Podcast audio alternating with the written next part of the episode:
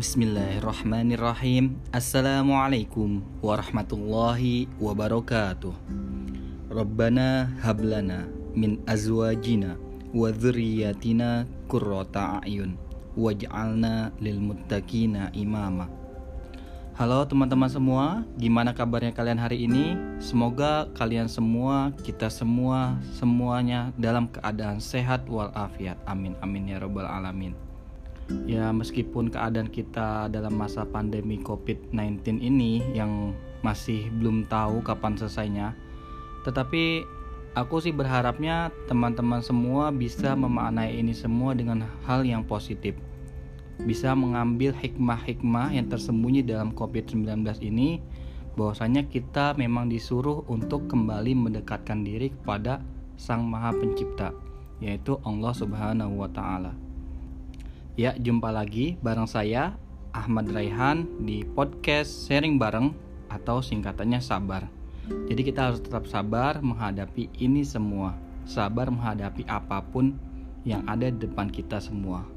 Pada podcast kali ini kita akan sharing bareng mengenai jodoh. Wah, udah pada nggak sabar kan?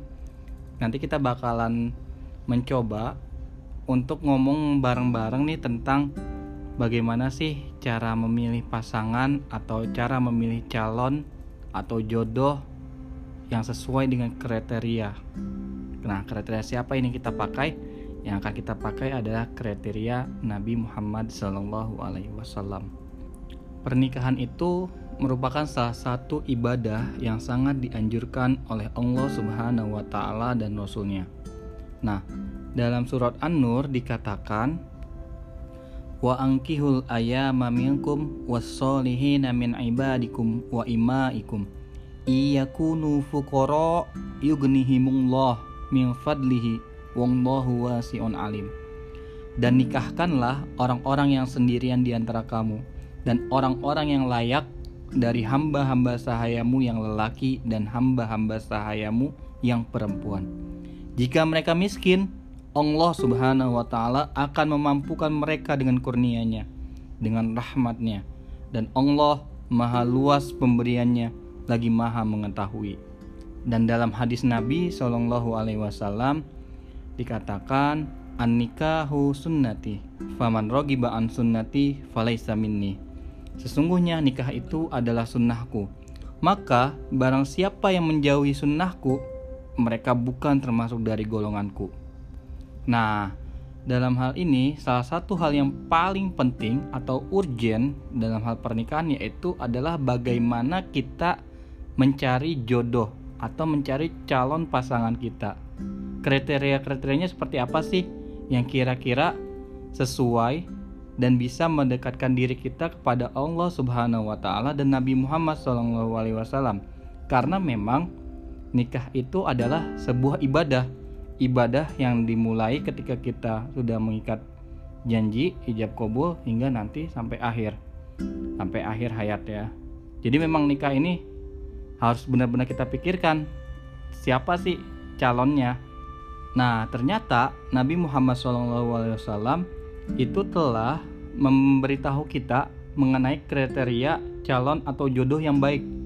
Nah buat teman-teman yang pada penasaran seperti apa sih itu simak terus podcast ini. Oh iya, uh, seperti biasa ya, untuk teman-teman yang suka dengan podcast saya, jangan lupa untuk share link ini kepada temannya yang lain. Biar apa? Biar bermanfaat untuk lebih banyak orang.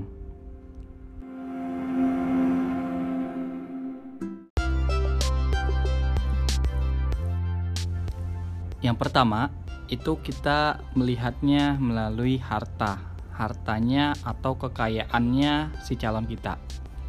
Teman-teman pasti udah pernah dengar dong peribahasa seperti ini. Tangan di atas lebih baik daripada tangan di bawah. Pernah dengar lah pasti ya. Nah, ternyata itu itu peribahasa itu ternyata itu adalah hadis Nabi Muhammad SAW yang kalau misalkan di hadisnya disebutkan al yadul ulya khairum min yadis sufla. Atau tadi yang seperti dibilang tangan di atas lebih baik daripada tangan yang di bawah. Nah, ini salah satu yang menjadi alasan kenapa harta atau kekayaan itu menjadi masuk dalam kriteria calon atau jodoh yang baik bagi kita menurut Nabi. Karena apa? Ketika orangnya itu memiliki harta benda atau kekayaan yang lebih, itu menjadi sebuah nilai plus. Ya, bukannya berarti ketika kita mencari yang calon yang hartanya lebih atau banyak itu kita berarti matre atau nggak ingin susah, nggak ingin bekerja, mau enaknya sendiri, nggak bukannya begitu. Tetapi pola pikirnya kita ubah. Ketika kita mempunyai calon yang memiliki harta lebih, maka otomatis harta atau calon kita ini akan mempermudah kita untuk berbuat kebaikan, akan menambahkan kepada kita nilai lebih untuk berbuat kebaikan. Seperti contohnya, kita bisa lebih banyak berzakat, kita bisa lebih banyak berinfak, kita bisa lebih banyak bersodakoh, kita bisa membantu orang lain yang kesusahan. Seperti saat ini sedang pandemi ini, ketika kita mempunyai pasangan yang lebih yang lebih dalam hal materi, otomatis kita ketika membantu orang itu nggak bakal memikirkan memikirkan diri sendiri, tetapi kita bakal memikirkan orang lain karena diri kita sendiri udah tercukupi. Beda lagi kalau misalkan kita nggak punya apa-apa. Dan kita menikahi orang yang nggak punya apa-apa juga. Nah otomatis kita bakalan lebih mementingkan diri kita sendiri dulu. Lebih mikirin diri kita sendiri dulu dibandingkan orang lain. Sehingga kesempatan untuk berbuat baiknya beramal solihnya itu menjadi berkurang.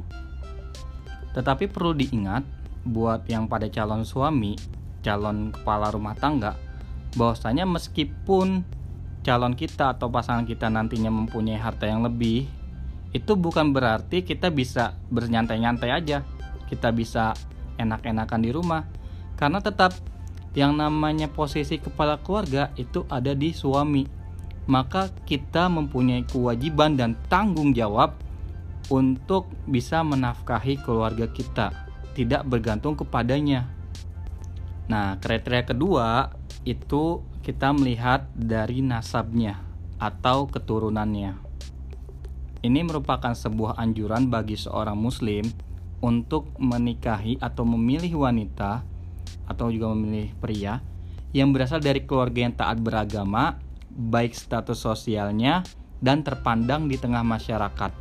Nah, harapannya adalah ketika kita menikahi orang yang memang mempunyai nasab yang baik, otomatis akan lahir darinya kita orang baik, dia orang baik, nasabnya baik dua-duanya, maka diharapkan lahirnya itu adalah orang atau generasi yang baik juga. Nah, beda lagi nih kebalikannya. Kalau misalkan teman-teman ternyata mendapatkan calon yang dari nasab kurang baik, otomatis misalkan dia dari keluarga kurang baik, keluarga itu seperti penjahat, pemabuk, pencuri, atau keluarga yang pecah berantakan, maka sedikit banyak itu akan mempengaruhi kejiwaan dari calon kita. Sementara kalau misalkan calon kita itu wanita, dia akan mendidik anak-anak kita dan otomatis akan yang mendidik seperti yang udah diterima dia dahulu. Dan apabila calon kita itu pria, dia akan menjadi kepala keluarga dan tentunya sifatnya ini bisa jadi menurun kepadanya dan akhirnya akan berlaku kasar atau semena-mena atau zolim terhadap keluarganya. Tapi ya teman-teman semua, bukan berarti ketika kita mempunyai calon yang dari nasabnya buruk banget itu kita harus langsung memponisnya bahwa kita nggak boleh menikah. Kita harus meneliti lagi bagaimana dia dan keluarganya. Kalau misalkan ternyata keluarganya dan dirinya sudah taubat, sudah berusaha untuk berubah menjadi lebih baik dari keluarganya sebelumnya, maka itu tidak dipermasalahkan tetapi memang nantinya pasti masih ada stigma dari masyarakat bahwasanya dia itu bukan dari keluarga yang baik-baik.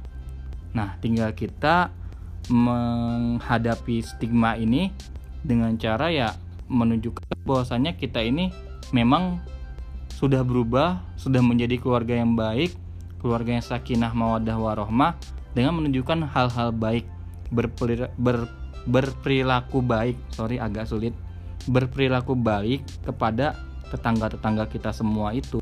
Jadi, bila mana kita yakin bahwasanya kita dapat mengubah calon pasangan kita ke arah yang lebih baik dan juga kita tahu bahwasanya dia dan keluarga benar-benar telah berubah dan bertobat kepada Tuhan atau bahkan bisa jadi dengan kita menikahinya itu kita bisa menyelamatkan ia dari kezoliman keluarganya.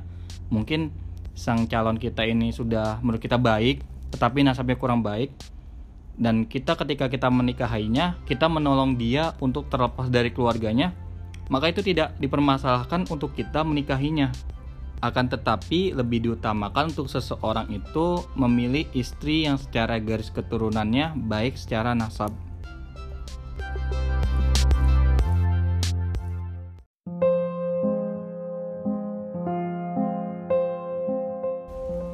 Kriteria ketiga dalam memilih calon pasangan Anda menurut Rasulullah SAW adalah kecantikannya atau rupanya. Nah, ketika kita memilih calon pasangan, kalau misalkan dia itu cantik, enak dilihat, menyejukkan pandangan, membuat kita tenang dengan melihatnya, bahkan bisa sampai mengobati kecapean kita dan lelah kita setelah bekerja. Bayangkan, setelah kita bekerja, pulang disambut oleh istri yang memang sangat manis, sangat cantik. Bertanya, "Mas, gimana kerjanya? Mas, udah lapar belum? Ade udah nyiapin makanan nih. Mas mau makan dulu atau mau mandi dulu? Mas, mau dipijit atau enggak, Mas? Kalau misalkan capek, Ade bisa mijit." Nah, itu kan menjadi sebuah nilai plus yang menghidupkan keharmonisan dalam kita berkeluarga. Jadi benar-benar menghidupkan keluarga yang sakinah, mawaddah, warohmah. Dalam hal ini, bahkan Imam Madhab dari empat madhab itu bersepakat bahwasanya sebelum menikah, sang suami dapat melihat wajah dan kedua tangannya, kedua tangan calonnya. Ya kalau misalkan istri melihat wajahnya suami udah pasti ya kelihatan ya. Kan kalau yang cowok itu nggak pakai hijab ya, nggak mungkin agak agak aneh kalau misalkan cowok itu pakai hijab malah tetapi kadang ada yang calon istri kita itu alimah solehah pakai hijab. Nah kita diperbolehkan untuk melihat wajah dan telapak tangannya. Memang ada yang membolehkan hal-hal lain tapi secara imam mazhab itu sepakat yang memang boleh banget itu melihat wajah dan telapak tangan. Yang nanti akhirnya kita bisa mengetahui dulu sebelum kita menikahi dia bagaimana rupa dan sosoknya nggak seperti peribahasa itu membeli kucing dalam karung. Kita membeli kucing yang nggak tahu bentuknya kayak gimana warnanya apa bagaimana sifatnya. Tetapi udah ada di dalam karung dan kita bawa. Dan akhirnya ketika kita buka kita bakal menyesal. Nah dalam Islam diajarkan bahwa saya untuk melihat terlebih dahulu siapa yang kita nikahi. Apakah sudah cocok atau belum? Memang sih ya ada kata-kata cantik ataupun jelek itu relatif tergantung ukuran kita. Tergantung bagaimana kita melihatnya. Kadang yang saya bilang cantik itu belum tentu cantik buat anda dan kadang yang anda atau teman-teman bilang itu cantik belum tentu cantik untuk saya. Maka di ini kan dianjurkan untuk memilih yang sesuai dengan kriteria dia dalam hal kecantikannya. Minimal yang bisa menyejukkan hatinya menenangkan pandangannya dan benar-benar bisa menjadi istri yang soleha tentunya. Nah, dalam hal ini Rasulullah Shallallahu Alaihi Wasallam bersabda waktu itu berkata kepada Umar ibnu Umar bin Khattab, beliau berkata, Maukah aku beritahukan kepadamu tentang sebaik-baik perbendaharaan seorang lelaki, yaitu istri solihah yang bila dipandang akan menyenangkannya, bila diperintah akan mentaatinya, dan bila ia pergi, si istri ini akan menjaga dirinya. Subhanallah sekali. Bayangkan kalau misalkan kita punya istri soleha yang seperti itu. Wah, betah di rumah nih, malah nggak mau keluar buat kerja kayak nih. Nah, kriteria keempat yaitu agamanya. Ini kriteria yang terakhir menurut hadis Nabi, tetapi ini yang paling paling paling harus dipegang dibandingkan tiga yang lain. Istilah kata kalau misalkan ininya udah dapet, agamanya udah dapet, maka ketiga yang lain tuh bisa diloncati. Nggak apa-apa dia nggak kaya, nasabnya kurang bagus, tapi apa namanya rupanya juga kurang, tetapi agamanya bagus, insya Allah itu yang lebih berkah buat kita. Nah, ini ada sebabnya. Karena ketika kita memilih wanita yang sisi keagamaannya sudah matang, jauh lebih menguntungkan ketimbang istri yang kemampuan agamanya masih setengah-setengah. Jadi bayangkan, ketika kita mempunyai istri yang sudah matang agamanya, nanti maka kita mengajarinya itu lebih enak atau bahkan kita bisa mengajak sang istri, ini juga berlaku kebalikannya ya, kepada sang suami untuk mengaj untuk mengajari yang lainnya Nah, kebalikannya kalau misalkan dari sisi agamanya kurang, ya kita otomatis harus bisa mengajarkan kepada dia tentang agama karena keluarga itu adalah tanggungan dari si kepala keluarga. Istri itu tanggungannya si suami. Jadi surganya istri itu ada di suaminya. Tapi kalau misalnya istrinya berbuat salah, otomatis sang suami yang mendapatkan dosanya. Maka dari itu, kira-kira udah yakin belum nih kita untuk mengambil yang agamanya kurang sempurna atau agamanya masih belajar. Tetapi kalau misalkan teman-teman bertemu sama calon atau wanita yang memang dia kepingin untuk belajar agama niat beragamanya kuat tetapi karena baru mulai seperti contoh ya dia baru mualaf ya itu juga nggak apa-apa. Karena dia udah ada keinginan untuk berubah keinginan untuk mempelajari agamanya lebih lanjut. Nah, nanti tinggal kita mengajari dia, insya Allah juga dan dapat pahala yang lebih. Nah, di sini di buku pikih nikah dikatakan bahwasanya sisi keagamaan bukan berhenti pada luasnya pemahaman agama atau fitrah saja, tetapi juga mencakup sisi kerohaniannya. Yang idealnya adalah tipe seorang yang punya hubungan kuat dengan Allah Subhanahu wa taala. Jadi yang memang lebih diperhitungkan dari sisi agama bukan ke pengetahuannya tetapi ke sisi rohaniannya bagaimana dia sholatnya bagaimana dia ibadahnya? Nah itu yang lebih diutamakan.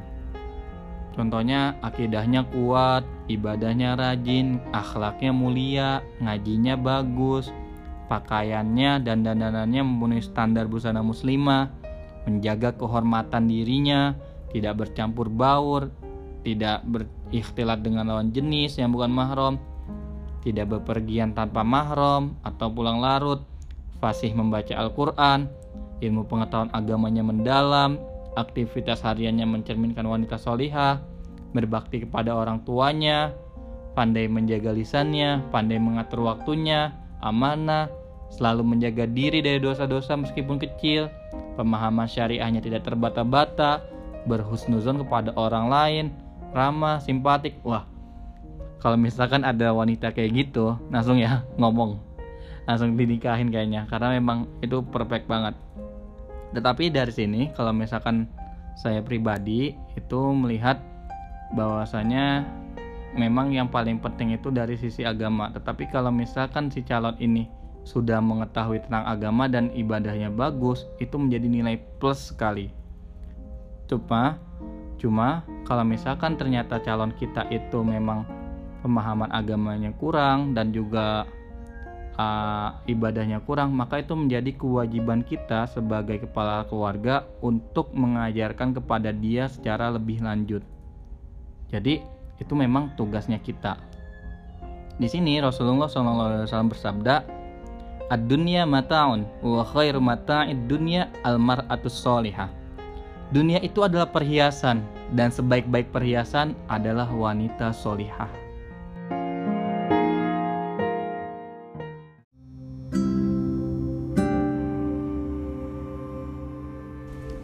Nah, penutup untuk podcast kita sharing bareng pada kesempatan kali ini. Rasul Shallallahu Alaihi Wasallam bersabda, "Tungkahul mar'atu li arba'in, lima liha, wali hasabiha, wa jamaliha, wali diniha, fazbar bidzatid din taribat yadaka." Wanita itu dinikahi karena empat perkara, yaitu karena hartanya, karena keturunannya, karena kecantikannya, dan karena agamanya. Maka pilihlah olehmu wanita yang punya agama, engkau akan beruntung. Empat kriteria di atas yang telah disebutkan oleh hadis Nabi dan telah kita bahas pada pembahasan sebelumnya di podcast kita ini, Nabi Shallallahu Alaihi Wasallam menekankan dalam memilih calon atau pasangan hendaklah mengikuti apa yang telah diajarkan oleh Rasul yaitu lebih mengedepankan terhadap agamanya. Karena insya Allah ketika kita memilih calon dengan agama yang baik, maka keseluruhannya itu akan menjadi hal-hal yang baik, penuh barokah dan diberikan hidayah sehingga menjadi keluarga yang sakinah, mawaddah, warohmah. Dan akhirnya dari keluarga yang sakinah, mawaddah dan warohmah itu maka akan timbullah keinginan untuk bernegara yang baik dan menjadikan negara kita baldatun toyibun warobun gofur.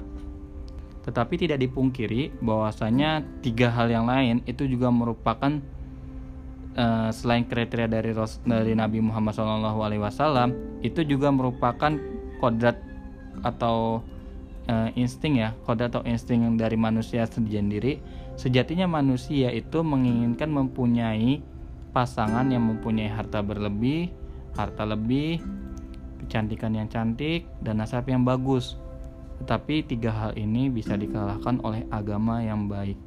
Tetapi juga perlu diingat kalau misalkan teman-teman mendapatkan empat-empatnya, maka teman-teman termasuk golongan yang beruntung.